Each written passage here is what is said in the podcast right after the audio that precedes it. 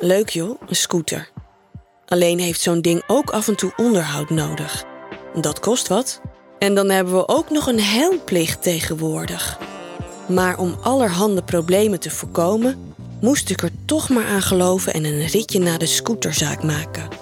Dus stond ik op een redelijk frisse donderdagmiddag bij Peter in de zaak. Hij keek snel even mijn scooter na en kwam tot de conclusie dat er wel het een en ander moest gebeuren. Behalve het gewone onderhoud moest er in elk geval ook een nieuwe achterband op. En aangezien mijn scooter slecht startte, wilde hij ook nog wat andere dingen aanpassen en vervangen. Hij gaf me een schatting van de kosten. En dat viel me smerig tegen. En dan moest die stomme helm ook nog. Ik stond redelijk in twijfel. Financieel zat ik niet echt ruim, maar die scooter had ik wel nodig. Nou ja, dan in elk geval die band en helm maar. En minimaal onderhoud. En dan zou ik over een maand of twee wel terugkomen, als ik weer wat meer geld had. Of als hij open stond voor een alternatieve betaling. Ik had het gezegd voor ik er goed en wel over na had gedacht. Ik voelde mijn wangen meteen enorm rood worden. Fuck, wat zeg ik nou? Stotterend en lacherig probeer ik er nog een draai aan te geven. Ik zou misschien wel een beetje schoonmaakwerk voor hem kunnen doen, de vloer dweilen of zo. Maar Peter wilde daar niks van weten. Hij had al lang in de gaten wat ik echt bedoelde. Met een big smile vroeg hij: Als je iets bedoelt op gebied van seks, ja, dan kunnen we vast wel wat bedenken. Mijn hart klopte in mijn keel, maar ik voelde ook al een heerlijke tinteling in mijn kruis. Waarschijnlijk werd mijn slipje al nat. dit was eigenlijk te erg voor woorden. Durfde ik dit wel door te zetten? Ik ken Peter niet zo heel goed. Maar als ik bij hem in de zaak kom, voelt het tussen ons altijd erg gemakkelijk. Ook flirten we best wel wat. Toen ik na een eerdere reparatie mijn scooter weer op kon halen, had ik het nuttige met het aangename gecombineerd. En was ik al hardlopend naar de winkel gekomen. En zijn reactie op mijn strakke hardloopoutfit was: lekkere kont. Dus wat dat betreft kon een pikante opmerking best wel. Maar dit was nog wel een stapje verder. Hij stelde me voor om een blootje op te ruilen voor een nieuwe achterband. En de rest zouden we later wel bedenken. Maar dan wel nu. Ter plekke betalen. Er stond niks bijzonders in de agenda voor die dag en er waren geen collega's aanwezig. Dus we hadden mogelijkheden. Hij nam mij mee naar de werkplaats achter de winkel. Oh, gaan we het hier doen? Tussen de half gerepareerde scooters en losse onderdelen? Oké dan. Hij ging even naar achter om zich te wassen. Wel fijn als iemand net als ik van hygiëne houdt. Ik was zelf net thuis onder de douche geweest.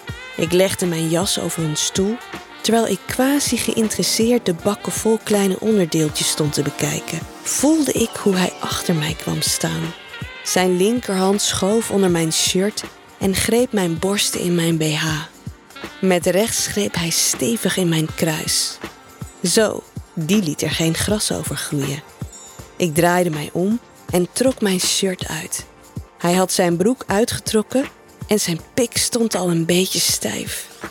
Zeker weten? vroeg hij. Jep. Ik ging op mijn knieën voor hem zitten en begon zachtjes te likken. Eerst langs de binnenkant van zijn bovenbenen en over zijn onderbuik. Mijn handen gleden over zijn billen. Zijn pik raakte ik nog niet aan. Toen ik even omhoog keek, zag ik diezelfde big smile van daarnet. Hij stond te genieten. Ik gaf een kusje op het topje van zijn pik. Daar kwam steeds meer leven in. Mijn tong gleed langs de schacht richting zijn ballen. Voorzichtig likte ik daaraan. Boven mijn hoofd hoorde ik een kreun van genot. Ik liet mijn tong weer naar boven gaan en nam de eikel in mijn mond. Langzaam liet ik hem steeds verder naar binnen glijden. Hij werd ongeduldig. Hij nam mijn hoofd in zijn handen en met dwingende bewegingen duwde hij zijn pik steeds verder in mijn keel. Terwijl hij mij stevig in mijn keel neukte, gleed mijn hand in mijn broek. Ik was zo ontzettend nat.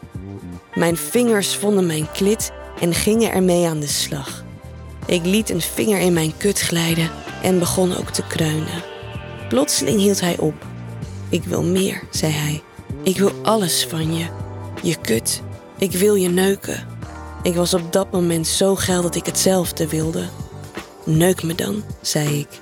Hij was al bezig mijn broek en slip uit te trekken. Mijn BH trok ik zelf uit.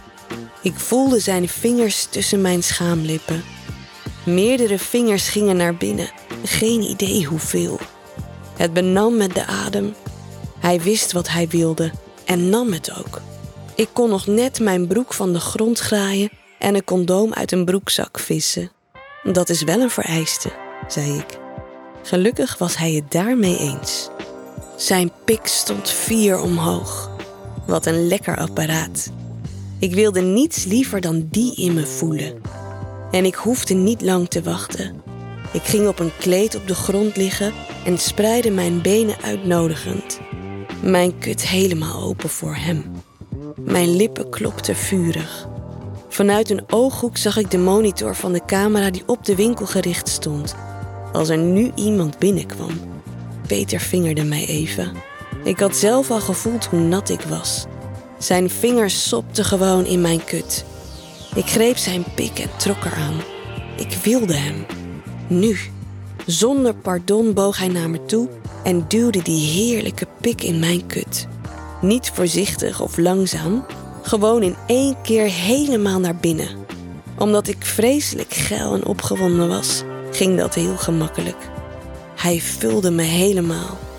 We kreunden tegelijkertijd. Even hield hij stil. Lekker? Ja, heerlijk. Ga door. Langzaam begon hij te pompen. Hij lag met zijn volle gewicht bovenop me. Mijn benen om zijn middel. Zijn heupen gingen op en neer. Eerst rustig, maar steeds sneller. Ik voelde hoe zijn pik nog steeds harder werd tussen mijn lippen. Daarna duwde hij zijn bovenlichaam omhoog, trok mijn benen over zijn schouders. Met lange halen ging hij verder. Bijna helemaal eruit en dan hard er weer in. Hij ging zo diep. Ik duwde mijn hand tussen ons in en vingerde mijn klit. Mijn hoogtepunt kwam heel plotseling en krachtig. Ik gilde en mijn lichaam schokte toen ik klaar kwam. Hij legde snel een hand over mijn mond om me stil te houden. Golven van genot gingen door me heen. Ik was nog niet vaak zo hard klaargekomen. Dat kwam vast door de spanning van de situatie. Ik zag hoe hij genoot van het gevoel van mijn kut, die zich om zijn pik samenkneep. Fuck, jij ging lekker, nu ik nog, hijgde hij. Hij trok zich terug en liet me opstaan. Ik moest voorover over het zadel van een van de scooters buigen. Hij duwde mijn voeten een eindje uit elkaar en gaf een pets op mijn bil. Mmm, ja. Voordat ik het wist, had hij zijn harde pik weer in mijn kut gestopt. Hij was iets langer dan ik, maar voor dit standje pasten onze lengtes prima bij elkaar. Mijn haar zat in een paardenstaart en was voor hem het perfecte houvast. Zijn andere hand kneep stevig in een van mijn borsten. De scooter wiebelde wat en we waren allebei bang dat het ding zou omvallen. Dus dirigeerde hij mij naar de werkbank. Mijn armen werden op mijn rug getrokken en mijn wang tegen het hout van de bank gedrukt. Ik kon geen kant op en werd stevig van achteren geneukt. Comfortabel was het niet echt. De rand van de werkband sneed in het vlees van mijn bovenbenen. Peter had er geen boodschap aan. Hij ging lekker door. En ik genoot met volle teugen. Ik hoorde hem grommen. Zijn stoten werden dwingender. Op het laatste moment trok hij zijn pik eruit. Hij trok me aan mijn haar achteruit en duwde me op mijn knieën, mond open. Met zijn handen maakte hij het af. Zijn hoogtepunt leek vanuit zijn tenen te komen.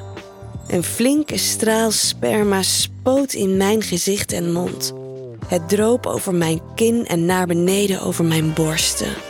Ik nam zijn pik weer in mijn mond en likte hem goed schoon. Godsamme, dat was lekker, zei hij. Ik kon niet anders dan het ermee eens zijn. Een blik op de monitor vertelde me dat er een klant in de winkel stond. Shit. De werkplaats werd alleen van de winkel gescheiden door een gangetje en een gordijn. Hoe lang stond die man er al? En hoeveel zou hij ervan meegekregen hebben? Nou ja, hopelijk vond hij het leuk. Peter trok snel zijn broek weer aan en liep de winkel in. Hij stond de klant te woord alsof er totaal niks aan de hand was. Ik ging me wassen bij het kleine keukenblokje achterin en kleedde me weer aan. Het was ontzettend spannend geweest. Zomaar brutaal seks als betaling voorstellen. En het dan ook nog uitvoeren. In een werkplaats. Tussen de scooteronderdelen. Op een vloer vol opgedroogde olievlekken. Ik voelde me enorme slet. Het was stout, ondeugend, slecht volgens sommigen, weet ik veel wat. Maar daarom voelde het stiekem zo fantastisch. De scooter mocht ik die dag achterlaten en de volgende dag weer ophalen. Om door een ringetje te halen. Peter had alles en meer voor mij gedaan. Ik kon voorlopig weer de weg op. We vonden allebei dat we een prima regeling hadden getroffen. Alternatieve betalingen? Zo wil ik er wel meer.